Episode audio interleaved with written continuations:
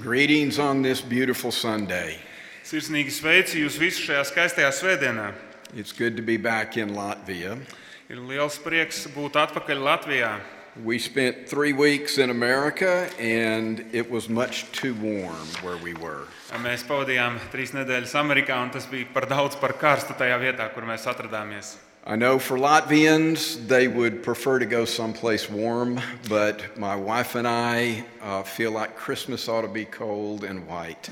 Es zinu, to, ka latvieši gribētu šajos laikapstākļos doties uz kādu siltāku vietu, bet mēs ar sievu, nu, mūsu preference ir tā, ka Ziemassvētkos ir augsti. Uh, for those that do not know me, my name is Robert Smith. Tiem no jums, kas man nepazīst, mans vārds ir Roberts Smits. Uh, my wife and I have lived here for a number of years and have had the privilege of being part of this congregation from the start. Mēs ar sievu mēs dzīvojam Latvijā jau vairākus gadus, un mums ir bijusi tā privilēģija būt šajā draudzē jau no paša tās sākuma. You'll have to forgive me that my language, my Latvian language, is not good enough to preach. Jums ir jāpiedod man tas, ka mana latviešu valoda nav pietiekami laba, lai es varētu sludināt. And I thank my brother for filling in for me and helping out. Un es pateicos savam brālim par to, ka viņš eh, palīdz man šajā brīdī. As we think about the new year, I've seen all kinds of, of uh, predictions of what 2022 will bring. Domājot par jauno gadu, ir jāsaka tā, ka es esmu sastapies ar dažādu veidu parei- pareģojumiem, plāniem par to, kas varētu notikt 2022. gadā. And as we ended the year, there's a tendency to look back at what had happened in both our lives in general and our lives personally. Un tā tendence gadam noslēdzoties un jaunam gadam sākoties ir tā, ka mēs atskatāmies atpakaļ un skatāmies, kas ir noticis globāli un kas ir noticis arī personiski mūsu dzīvē. And this often results in us making resolutions for the new year. Un parasti šis pārdomu process rezultējas ar to, ka mēs izdarām kādas apņemšanās jaunajam gadam. Oftentimes, uh, resolutions are grand and glorious. Tik bieži šīs te apņemšanās ir tādas grandiozas un pilnīgi godības pilnas. Other times, they're rather mundane, like, I'm not going to drink as much coffee. Uh, Un reizēm šīs apņemšanās ir tādas pavisam ikdienišķas, kā piemēram, es nedzeršu tik daudz kafijas. But sadly, most of our resolutions never come to fruition. Bet, diemžēl, ir tā, ka daudzas no mūsu apņemšanās, daudzas no mūsu apņēmībām patiesībā nepiepildās, viņas neīstenojās dzīvē. Statistically, most people break their New Year's resolutions within the first week. Statistika ir tāda, ka cilvēki kopumā eh, nepiepilda savu jauno gada apņēmību jau pašā pirmajā gada nedēļā. And most certainly within the first month. Un eh, ļoti ticams, ka pirmajā mēnesī pavisam noteikti viņi lauž savu jaunā gada apņēmību. So, what I'm proposing is not a resolution, Un tas, ko es jums šodien likšu priekšā, tā nav kaut kāda veida apņemšanās. but rather looking at our lifestyle and how God wants us to live. Bet drīzāk mēs palūkosimies uz mūsu dzīvesveidu un to, kā Dievs vēlas, lai mēs dzīvotu. And the area that I've chosen is in hospitality. Un tā joma, par ko es esmu izvēlējies runāt, ir viesmīlība. In Hebrews chapter 13, verses 1 and 2, the writer says to let brotherly love continue. Eh, Vēstulē ebrejiem 13. nodaļā, 1. pantā ir teikts, lai arī turpmāk jūsu vidū ir brāļu mīlestība, And do not neglect to show hospitality to strangers, for thereby some have entertained angels unaware. neaizmirstiet viesmīlību. Svešiniekus uzņemdami, daži pašiem nezinot, ir uzņēmuši eņģeļus. What is hospitality? Kas ir viesmīlība? I looked it up in a dictionary and it describes it as this Es aplūkoju šo vārdu vārnīcā, un tas skaidrojums ir sekojošs. the friendly and generous reception and entertainment of guests, visitors, or strangers. Tātad viesmīlība ir draudzīga viesu uzņemšana, viesu izklaidēšana un laika pavadīšana ar viesiem vai arī svešiniekiem. That is a secular dictionary. Un, protams, šis skaidrojums nāk no sekulāras vārnīcas. But what does hospitality mean to a Christian? Bet ko viesmīlība nozīmē kristietim? Well, by the secular definition, it's friendly, Eh, Saskaņā ar sekulāro definīciju tā ir draudzīga, it's generous, eh, tā ir dāsna, it's receiving and entertaining, eh, tā uzņem, tā izklaidē, ja pavada laiku ar cilvēku. and it includes guests, Un tā ietver sevī viesus, people that you've invited, cilvēkus, kurus tu esi uzaicinājis. it includes visitors, Em, Tā ietver sevī apmeklētājus. those that you may know that just show up. Tie ir cilvēki, kurus tu zini, bet viņi vienkārši ierodās. And it also includes strangers, Un tā sevī ietver arī svešiniekus. people that you may not necessarily know, Cilvēkus, kurus tu visticamāk nezini. and certainly people that are different from you. Un vis, visticamāk, tie ir arī cilvēki, kas ir atšķirīgi no tevis. maybe people from other countries. Iespējams, tie ir cilvēki no citām valstīm. So, who do we see as an example? What example do we have in the Bible of hospitality? Uz ko mēs varam raudzīties kā piemēru? Kur Bībelē mums ir piemērs tam, kā būt viesmīlīgam? I think the best example we have is Jesus. Man šķiet, ka labākais piemērs ir Jēzus. Jesus received people all the time, Jēzus uzņēma cilvēkus pastāvīgi visu laiku. he invited the 12 to be his disciples. Viņš aicināja 12, lai viņi būtu par viņa mācekļiem. He invited you into his family of believers. Eh, Viņš ir aicinājis tevi, ticīgo saimē, ģimenē. When Jesus taught, he gave us examples of the kingdom of God. Kad Jēzus mācīja, viņš deva piemērus tam, kāda ir Dieva valstība. And in one instance, he described it as a great banquet. Un kādā no gadījumiem Jēzus to raksturoja kā tādu lielu banketu, kā svinības. And an invitation was given to the people that he knew. Un šajā te, eh, līdzībā ir runāts par to, ka tiek sniegts aicinājums cilvēkiem, kurus pazina, And they refused to come. un viņi atteicās nākt. So he sent his servants out to the streets to invite anybody. Un tā šis te nama kungs izsūtīja savus kalpus uz ielām, lai aicinātu jebkuru cilvēku. The kingdom of God invites us to his banquet. Dieva valstība aicina mūs uz dieva mīlestību, uz dieva banketu. And then he had visitors, Un tad Jēzum bija arī apmeklētāji. people that he knew that he welcomed in uninvited. Cilvēki, kurus Jēzus zināja, un viņš aicināja pie sevis viņus bez tāda īpaša formāla uzaicinājuma. And he also welcomed strangers, Un Jēzus arī aicināja pie sevis svešiniekus, people that he personally did not know. cilvēkus, kurus viņš personiski nepazina. We see examples of him holding their children. Mēs redzam tādus piemērus, kā Jēzum turot svešinieku bērnus. We see examples of him healing them. Mēs redzam piemērus, kur Jēzus dziedina svešiniekus. We see examples of him feeding them by the thousands. Mēs redzam piemērus, kur Jēzus pabaro tūkstošiem svešinieku. Notice, though, that in all of this, it was not to make people feel good about themselves, Pamaniet gan to, ka visos šajos gadījumos nolūks nebija vienkārši dot cilvēkiem labsajūtu, it was not just so that people could feel healthy, un e, šīs lietas netika darītas tikai tāpēc, lai cilvēki justos veselīgi. it was not so that people would have a full stomach. Un tas netika darīts tikai tāpēc, lai cilvēki tiktu pabaroti.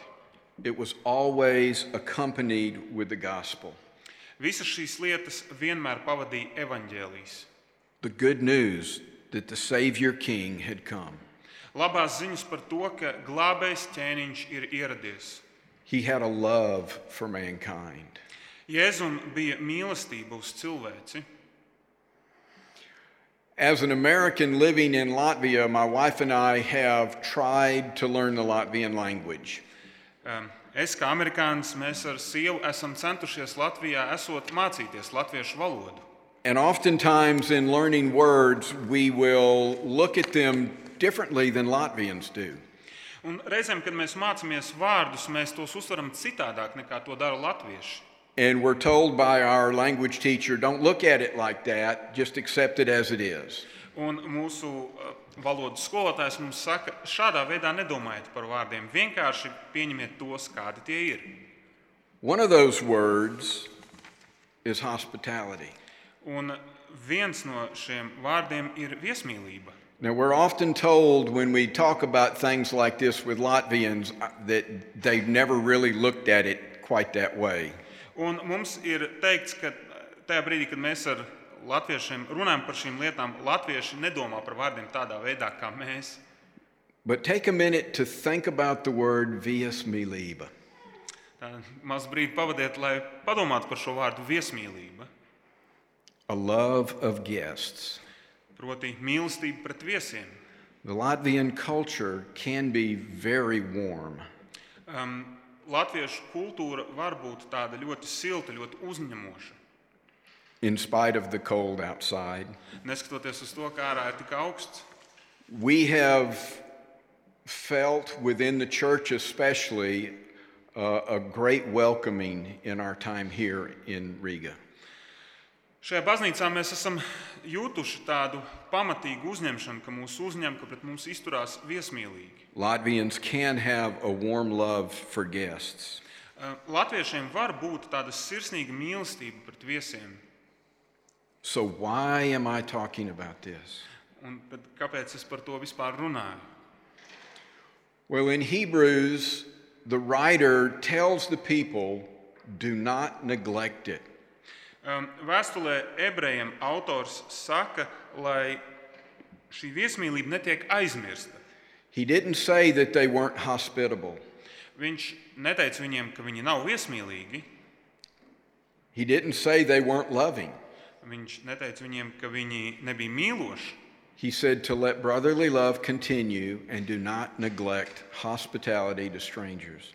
Viņš saka, lai brāļa mīlestība ir jūsu vidū arī turpmāk, un neaizmirstiet viesmīlību svešiniekiem. So, what do we gain from hospitality? Ko mēs iegūstam no viesmīlības? Or what do we gain from being hospitable? Jeb citiem vārdiem sakot, ko mēs iegūstam no tā, ka mēs parādām viesmīlību citiem cilvēkiem. We as people often want to know what do I gain from anything? Kā cilvēki mēs tik bieži vēlamies uzreiz domāt par ieguvumiem. What should I bother to, to do this? Why should I bother to do this? Kāpēc lai es to darītu? After all, being hospitable can make us be vulnerable. Jo galu galā ir tā, ka esot viesmīlīgam, mēs patiesībā kļūstam ievainojami. We need to be wise in our hospitality. Un mums ir jābūt gudriem savā viesmīlības izrādīšanā. Jesus did not heal everybody, Jēzus nesniedz dziedināšanu visiem cilvēkiem. Jesus did not feed everybody. Jēzus nepaēdināja visus cilvēkus. In John chapter 5, there's an account of a, a paralyzed man at the pool of Bethesda. Jāņa Evanģēlī 5. nodaļā ir apraksts par kādu paralizētu vīru, kas ir pie Betesdas, um, Betesdas um, basēna. There was uh, uh, around this pool, there was a legend that the angels would stir the waters, and the first person that got into the water would be healed. Tātad saistībā ar šo basēnu, ar šo uh, ūdens tilpni bija kāda leģenda, ka eņģeļi tajā iegāja un viņi sakustināja, ēd, uh, sakustināja ūdeni. Un pirmais, kurš iekāpa šajā ūdenī, tas tika dziedināts. Jesus could have just set up a table and healed everybody. There were lots of people around that were sick. Uh, Jēzus varēja vienkārši nolikt galdu un dziedināt visus cilvēkus, jo patiesībā viņa priekšā bija daudz cilvēku, kam bija nepieciešama dziedināšana. But he singled out one man. Bet viņš fokusējās uz vienu konkrētu cilvēku. Have you ever thought about that? He singled out one man. Vai esat kādreiz aizdomājušies par to, ka viņš pievērsās konkrēti vienam cilvēkam? And he went up to him and he asked what he wanted. Un viņš piegāja pie šī cilvēka un jautāja, ko tu vēlies. And he said, There's nobody to help me in the water, and before I can get in, somebody else gets in. Un Un šis cilvēks teica, nav neviena, kas varētu man palīdzēt iekļūt ūdenī, un pirms es iekļūstu, kāds cits man pa priekšu aiziet. Now, whenever the water was stirred by the wind, there was probably a mad rush of people trying to be the first in. Jebkurā brīdī, kad, eh, ūd- kad šī te baseina ūdeni sakustināja vēju, tur bija bars ar cilvēkiem, kas mēģināja tajā tikt iekšā. And we don't know that this was even a true legend. Un mēs pat nezinām, vai tā bija patiesa leģenda. And the fact that nobody was getting healed was because they could say somebody beat them into the water. Un, eh, i- patiesība bija tāda, ka cilvēki netika dziedināti, un viņi to varēja attaisnot, sakot, ka kāds jau pirmais iekāpa ūdenī pirms viņiem. But the people believed in this fable, in this legend. Bet cilvēki ticēja šai fabulē, šai leģendai. Now, Jesus' purpose in healing that man was not to make everybody healthy that was around the pool. Un Jēzus nodoms šī vīra dziedināšanā nebija padarīt veselus visus cilvēkus, kas bija pie šī basēna. And he had a distinct purpose for why he healed that particular man.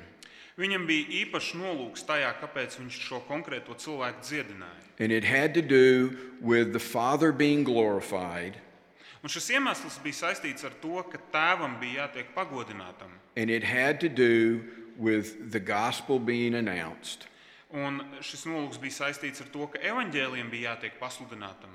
and it had to do with proving to his disciples that he was who he claimed to be. Un tas bija saistīts arī ar to, ka Jēzus pierādīja saviem mācekļiem, ka viņš tiešām ir tas, par ko viņš sevi tur. Oftentimes, we see that Jesus avoided situations that would compromise the Father's plans. Mēs tik bieži redzam to, ka Jēzus patiesībā izvairījās no situācijām, kas varēja kompromitēt Dieva tēva plānu. Oftentimes, we see in the Gospels where Jesus said, It is not my time. Tik bieži evanģēlijos mēs redzam šīs epizodes, kur Jēzus saka, mans laiks vēl nav pienācis. He spent much of his time here on, much of his ministry up in the northern part of Israel, avoiding Jerusalem. Tik daudz savas kalpošanas laika Jēzus pavadīja ziemeļu Izraēlas daļā, un viņš centās izvairīties no Jeruzalemes. because it was not yet time for him in Jerusalem. Tāpēc, ka vēl nebija pienācis laiks viņam būt Jeruzalemē. So I do not say, I'm not- not promoting that we should be out inviting everybody into our homes as hospitality.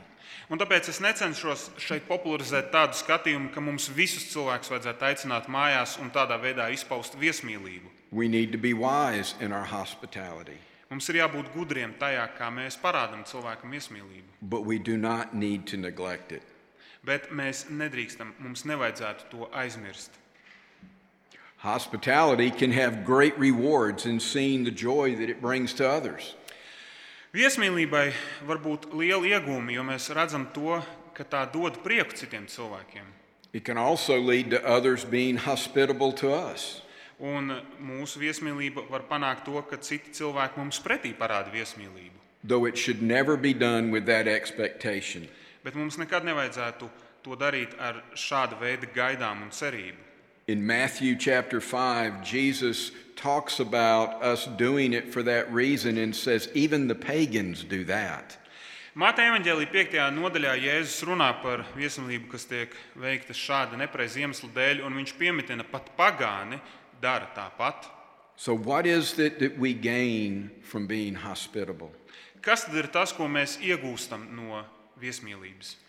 Every time that Jesus fed somebody, there was a gospel presentation going on before or after.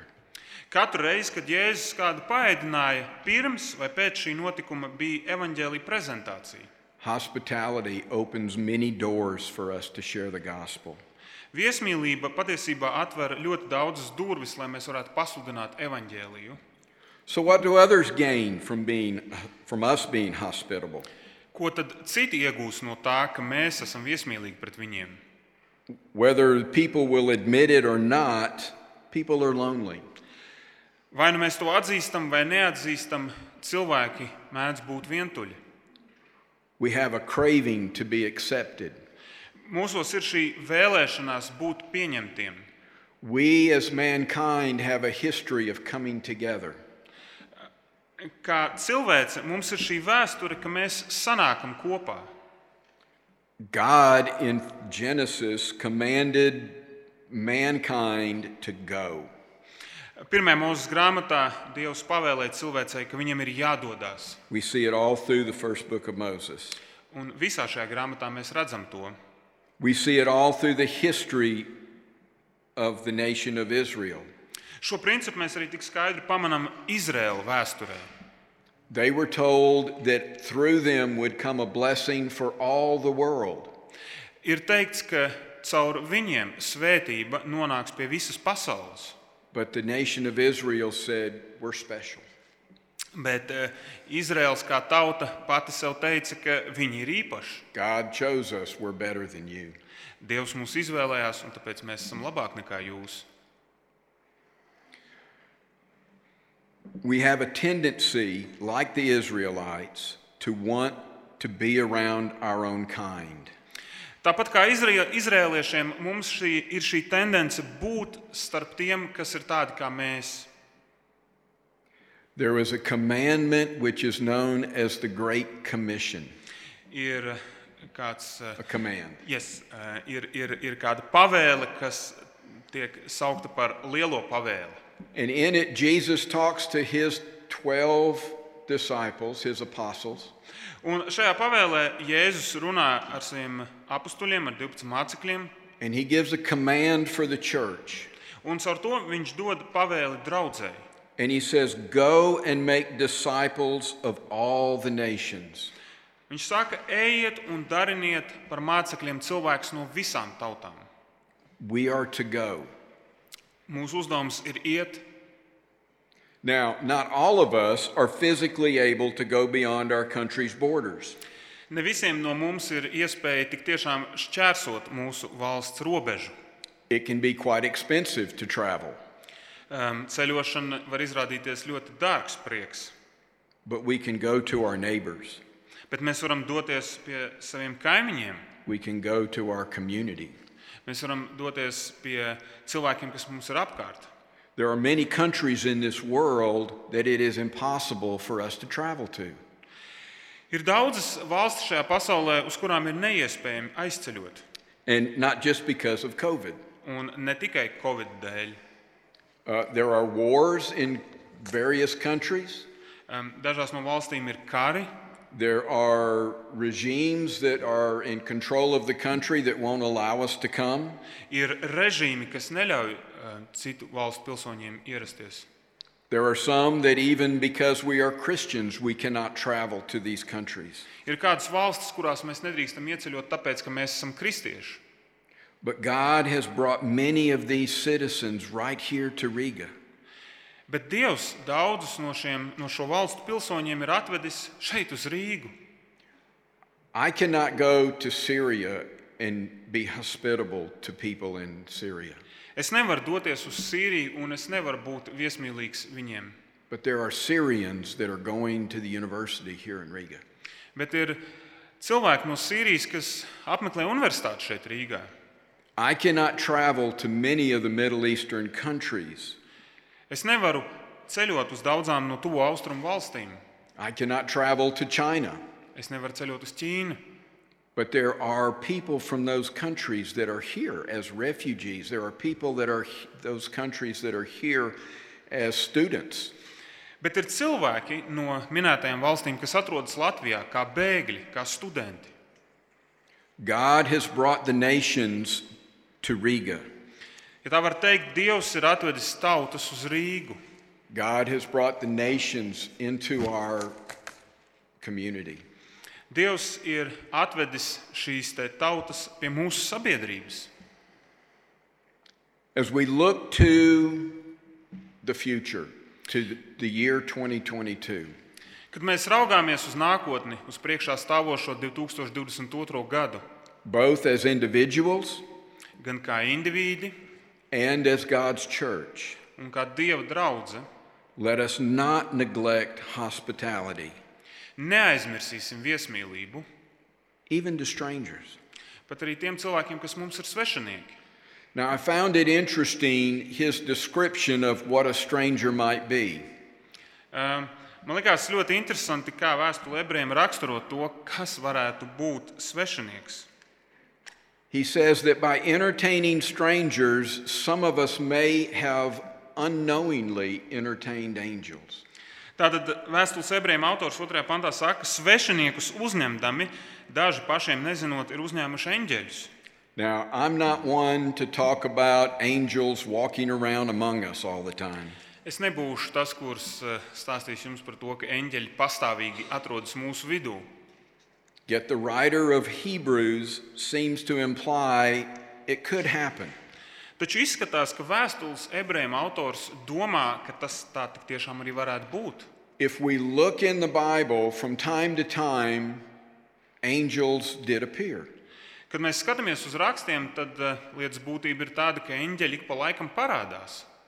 Now, they may be hundreds of years between appearances, Un starp šīm parādīšanās reizēm var būt eh, vairāki simti gadu. and it didn't happen, it wasn't a commonplace thing to happen. Un tā nebija tāda ierasta lieta, kas notiek. But it possibly could happen. Bet pastāv tāda iespējamība, ka kaut kas tāds notiek. But I'm reminded of Matthew chapter 25, Šajā sakarībā man prātā nāk Mateja evanģēlīja 25. nodaļa. where Jesus is talking about the final judgment. Un šajā nodaļā Jēzus runā par pēdējo tiesu. And in it, he's divided the people into two groups. Un šajā raksturojumā viņš sadala cilvēkus divās grupās. One of the groups, he said, showed him kindness, Viņš saka, ka viena no grupām izrādīja viņam sirsnību, labestību. they were hospitable. Viņi bija viesmīlīgi. If you look at the acts that Jesus said they did, it's all part of hospitality. Un, ja jūs paskatāties uz tām darbībām, kuras Jēzus piemin, tad visas viņas ietilpst viesmīlībā. And to the other group, he said, You did not do these things to me. Un tai otrai grupai Jēzus saka, ka jūs man šīs lietas nedarījāt. And both groups ask him, When? Un abas no grupām prasa Jēzum, kad tas ir noticis. When did, he do, when did we do these things for you? Kad mēs tev darījām šīs lietas, Or when did we not do these things for you? vai arī kad mēs šīs lietas tev nedarījām? And he said, As often as you did it to the least of these, and he was referring to children and to people and to strangers. Un viņš saka, tik reizes, cik jūs esat šīs lietas darījuši vismazākajiem, un šeit viņš atsaucās uz svešiniekiem, uz bērniem. When you did it to the least of these, you did it to me. Viņš saka, kad jūs šīs lietas darījāt vismazākajiem, jūs to darījāt man. Our hospitality reflects who Jesus is to the world. Mūsu viesmīlība parāda pasaulē to, kas ir Jēzus. But not only that, our hospitality to the world is to Jesus. Bet ne tikai tas, mūsu viesmīlība pret pasauli ir arī mūsu viesmīlība, ko mēs parādām Jēzum. And I encourage you today for this coming year to make hospitality a way of life. Un es iedrošinu jūs šajā priekšā stāvošajā gadā padarīt viesmīlību par jūsu dzīvesveidu, even to strangers. parādīt viesmīlību pat tiem, kas ir svešinieki. Amen. Āmen. Let us pray. Lūksim Dievu. Heavenly Father, Debes Tēvs, you have graciously invited us to your table.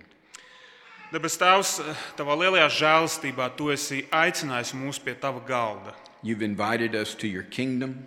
Tu esi aicinājis mūs tavā valstībā, You've invited us to a place that on our own we could never go. tu esi aicinājis mūs uz vietu, kur mēs paši par sevi nekad nedrīkstētu iet. You have forgiven so much. Tu esi tik daudz mums piedevis. I pray that you give us the grace to forgive others Es lūdzu, lai tu dod mums šo žēlastību, ka mēs spējam piedot citiem, and that you would enable us and give us the courage to be hospitable even to strangers. un es lūdzu, lai tu mūs padarītu spējīgus un drosmīgus parādīt viesmīlību pat svešiniekiem. In Jesus' name I pray. Jēzus vārdā to lūdzu. Āmen!